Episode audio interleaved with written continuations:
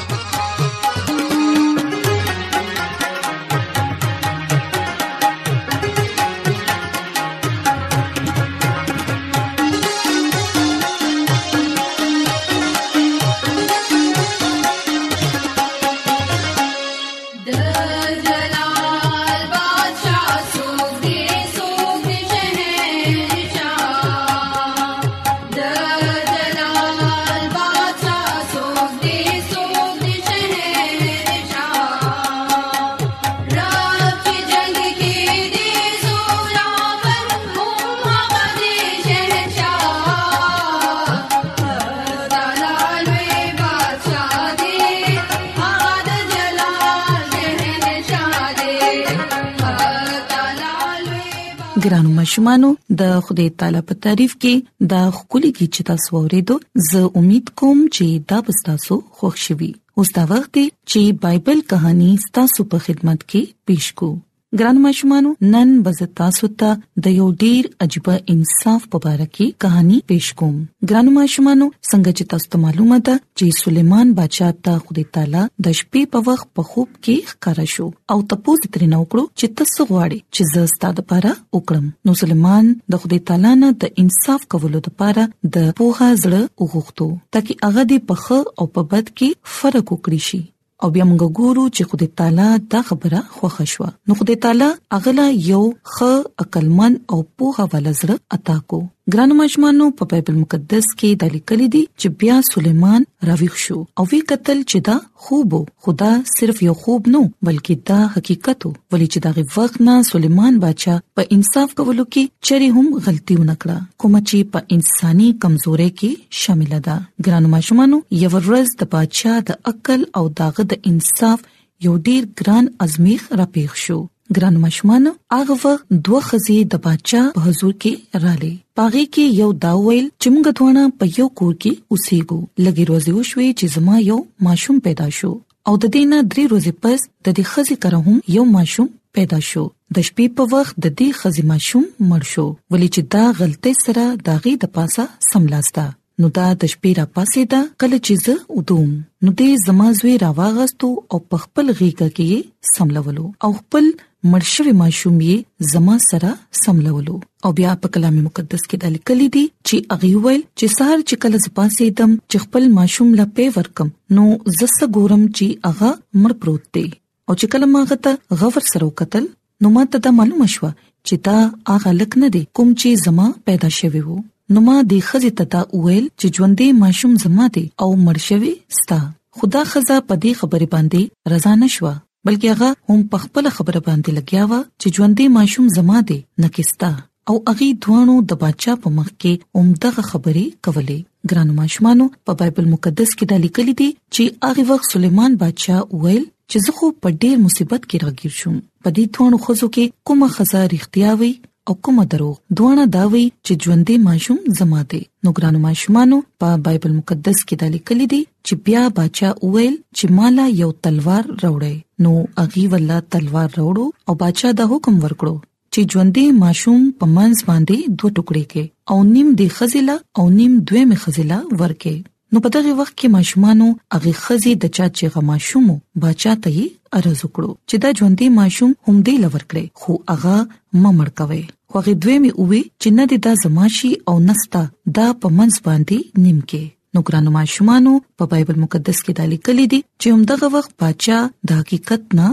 آشنا شو چې د دې ماشوم مور سوک ده نو ګرانو ماشومانو دغه شان هغه ژوندې ماشوم داغي اصلي مور لا ورکو او ټول خلکو کوم چې التناستو د دې خبرې نه ډیر زیاتو یریدل چې خدای تعالی هغه له حکمت او عقل ورکړي دي نو ګرانو ماشومانو دا یو داسې مقدمه و کوم چې ډېر زیاته نازک و ولې چې پدې کې دا نه معلومه ده چې کومه خزه اړتیا وي او کومه خزه دروغ وي دا یو ډیر ګران امتحان خو ولې چې خدای تعالی سليمان بادشاہ له عقل او دانای ورکړې و نو ځکه هغه دا فیصله په صحیح شان باندې وکړه نو ګرانو مشمانو زه امید کوم چې زموږ د نن بایبل کہانی به تاسو خوښ شي او د خدای تعالی نه عقل او دانای وختل پکار دي چې خدای تعالی دې موږ له هم عقل او دانای عطا کړي ولې چې په دې دنیا کې چې کله موږ اوسېګو نو هر یو انسان د نورو نورو سيزونو په تلاش کې دي څوک خود خدای تعالی نه دولت غواړي څوک عشرت څوک آرام او څوک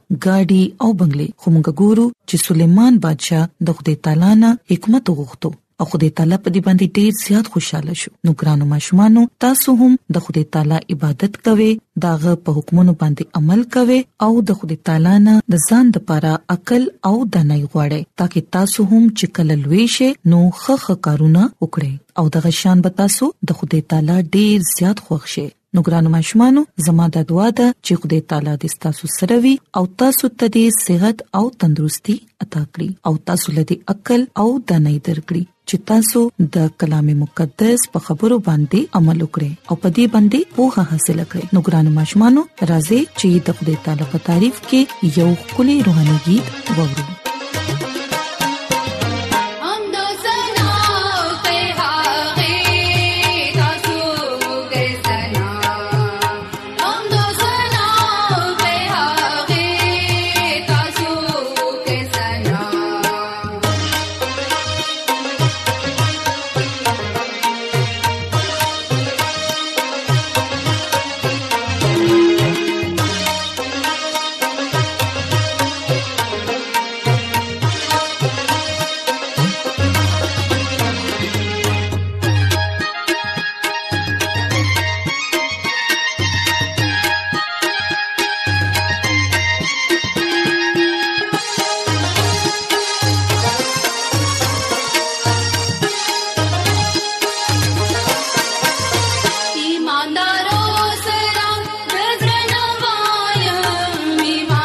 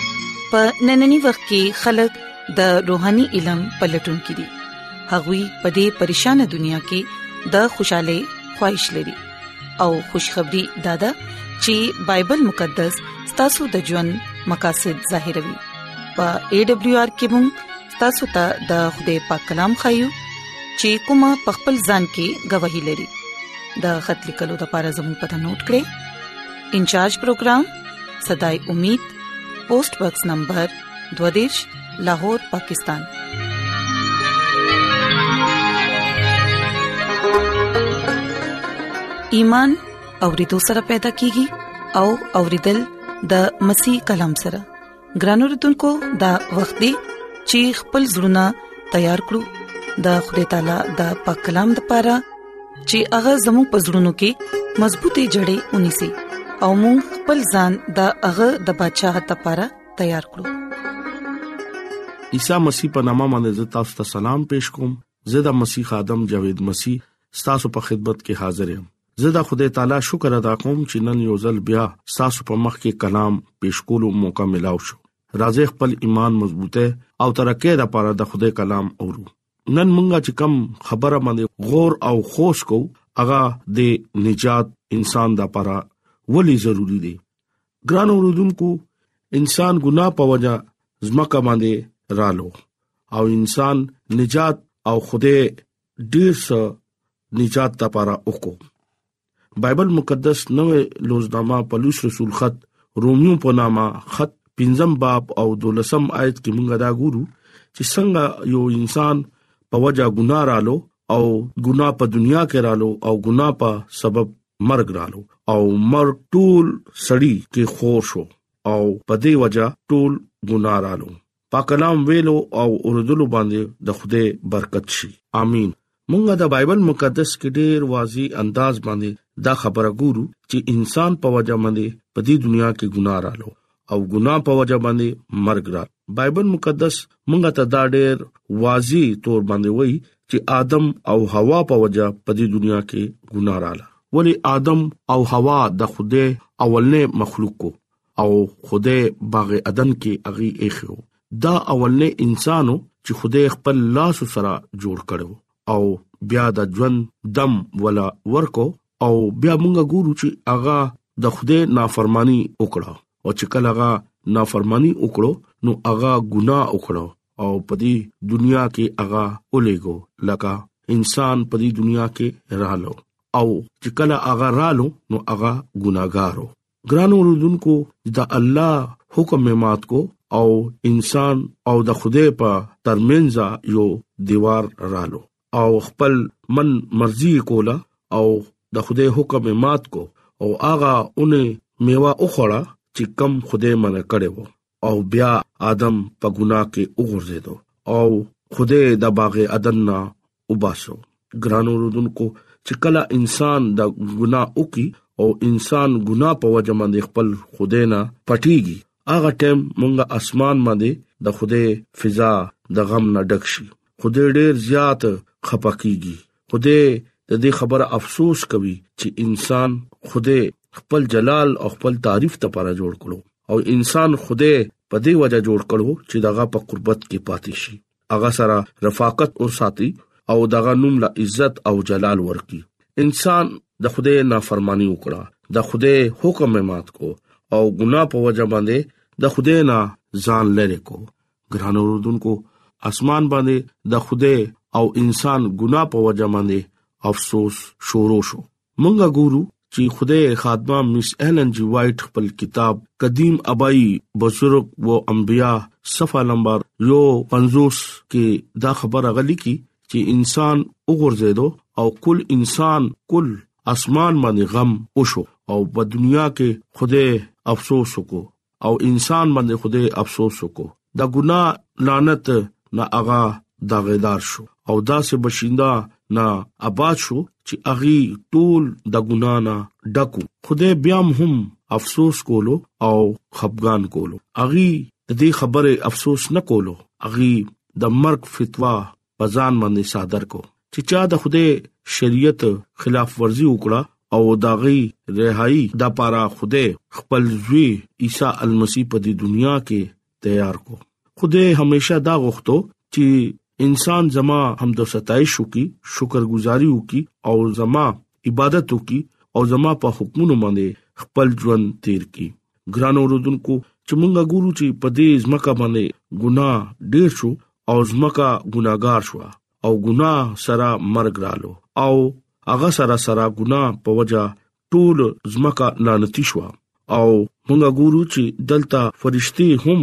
غم نه ډک شو او د دې خبره غم یې وکړو چې انسان خوده نافرمانی کوي ولی خوده چې دی هغه د مینې خوده دی هغه خپل فضل او رحم سره انسان جوړ کو د خوده مینې چې کله مونږه ګورو هغه انسان د لپاره ډیر سو جوړ کړو بیا هم انسان د خدای نافرمانی کوي او چې کم خلک ګناه کې وګرځیدو او ګناه په وجه باندې مرګ لار باندې روان شو او ګناه په وجه باندې مرګ فتوا انسان باندې صادر شو مونږه ګورو چې هغه ټیم د خدای زوی عیسی المسی انساني نسل باندې تر سرالو او هغه ګناه په وجه د خدای کلام او د خدای شریعت خلاف ورزي په وجه باندې انسان باندې لاره نظر کړو او دغي ګنا نه بچکولو د پاره دغي لعنت نه چھټکارا غستو د پاره انسان بچکولو د پاره انسان نجات ورکولو د پاره زمونږ د پاره انسان جوړ شو او په دې دنیا کې رالو او مونږه د پاره هغه ګنا نه لعنت نه ازادې د پاره هغه خپل ځان قربان کو او نجات لاره کلا کړو ګران اوردونکو هغه ټیم انسان د نجات بندوبست کولو لپاره یو مسیح پکارو چې هغه راشي او مونږه د ګنا نه خلاص کی ګران اوردونکو عیسی مسیح هغه هستی ده چې هغه زمونږه لپاره ځان قربان کو او مونږه د پاره شریعت او نجات لارا کلاو کړو خوده زمونږه چې دی هغه پاک هستی دی هغه دا غوښتو چې زما زوی په دې دنیا کې راشي ګران اوردونکو نجات د پاره په دې دنیا کې ډیر زیات پیغمبران رالو او اغي وقتن به وقتن د خوده گواهی ورکوله ګران اوردونکو دا سی او هستی دا چې اغا ځان ته نه کتو اغا د خوده مرزي پورا کړو او دنیا خلاصون د پاره ځان قربان کو نن هم ډیر خلک دغه معجزات دغه تمثيلونه ګوري او ایمان راوړي هغه ځان خالق او هغه ځان پست کو او انسان صورت واغستو او زمونږه او ټول دنیا چې هغه د ار نسل او رنگ او د مذهب ته دغه د پاره ځانه قربان کو ګران اوردونکو تاسو ته پکار دي چې په هغه باندې ایمان راوړی او هغه د دنیا خالق او مالک ته قیامت کول ولهم عیسی المسی د خدای زوی برازي او چې کم خلکو په هغه باندې ایمان راوستي چې کم خلکو دغه قربانه باندې ایمان وي کم خلک په هغه باندې توکل ساتي یقین ساتي باور ساتي هغه همیشه همیشه ژوند دغه نه به اخلي ګران اوردونکو اعمال سلورم باب او دولسم آیت کې هم دالی کړی دی چې دغه په وسیله باندې نجات په اسمان باندې شته ګران اوردونکو خدای کلام کې دا لیکلي دي دغه په وسیله باندې د اسمان لاندې بل نوم نشتا دغه په وسیله باندې موږ نجات اخلو عیسی المسی د دنیا بچا دی اغا زمونږ د پاره ډیر زیات غمونه اوچت کړو اغا دا وای چې په اسمان باندې او نه پزما کا باندې بل نوم نشتا دغه په وسیله باندې بمګه د خوده بچات تتلی شو ګران اوردونکو نن زه تاسو ته دا پیغام خاص ورکوم نجات لارا زمونږه د پاره عیسی مسیح کولاو کړه مونږه ته اوس پکار دي چې مونږه خپل پزله کې د عیسی مسیح هغه نجات پیغام کوسکو او همیشا او د قصد ژوند حاصل کو ولې چې مونږه نورو ته هم د دې خبره گواہی ورکو چې مونږه وکړو د خدای بارا چې هغه د دنیا ګناونو اوچت کړو هغه زمونږه د پاره کوړې او پخله باندې او چکم مصیبت او دکونه هغه مونږه د پاره اوچت کړو ګران اوردونکو یاد لره چې کم خلک په هغه باندې ایمان لري توکل لري هغه د همیشه ژوند به اخلي او هغه انسانانو چې کم پغه باندې توکل باور او یقین کوي هغه همیشه ژوند به اخلي د خدای کلام نن موږ دا دا وای چې تاسو عیسی مسیح باندې ایمان راوړئ او نجات لاره اختیار کړئ نن زه تاسو ته دا وایم چې کم خلک پغه باندې ایمان راوستي دي هغه روغ مټ دي هغه ته هیڅ پرابلم نشته هغه خوشاله کورنۍ ده دغه ته هیڅ قسم کمی نشته زه تاسو ته چیلنج کوم چې تاسو عیسی مسیح چې چا مونږه د پاره نجات لاره کولاو کړی دی او هغه مونږه ته دعوت راکړي چې راشه زستاسو مالک یم او خالق یم او قیامت ورځ باندې هم زستاسو انصاف کول ولا خوده زویم ګران اوردونکو تاسو نن د کلام باندې عمل وکړئ او هغه باندې یقین وکړئ هغه د همیشا او حقيقي ژوند مالک دی ګران اوردونکو نن د کلام په وسیله باندې خوده تاسو ته او مالا برکت ورکړي امين راځي چې دعا وغوړو اے زمونږ خدای مونږ ستاسو شکر گزار یو چې ستاسو د بندا په وجه باندې ستاسو په کلام غوورې دو مونږ لا توفیق راکړي چې مونږ دا کلام په خپل زړونو کې وساتو او وفادار سره ستاسو حکمونه ومنو او خپل ځان ستاسو د بدشاهت لپاره تیار کړو زه د خپل ټولو ګران وردونکو لپاره دعا ګویم کو چرپاغوي کې سګ بيمار وي پریشان وي یا په سمصيبت کې وي دا غوي ټول مشکلات لری کړی د هر څه د عیسی المسی پنامه باندې وړم امين ایڈونچر ورلد رادیو لړغا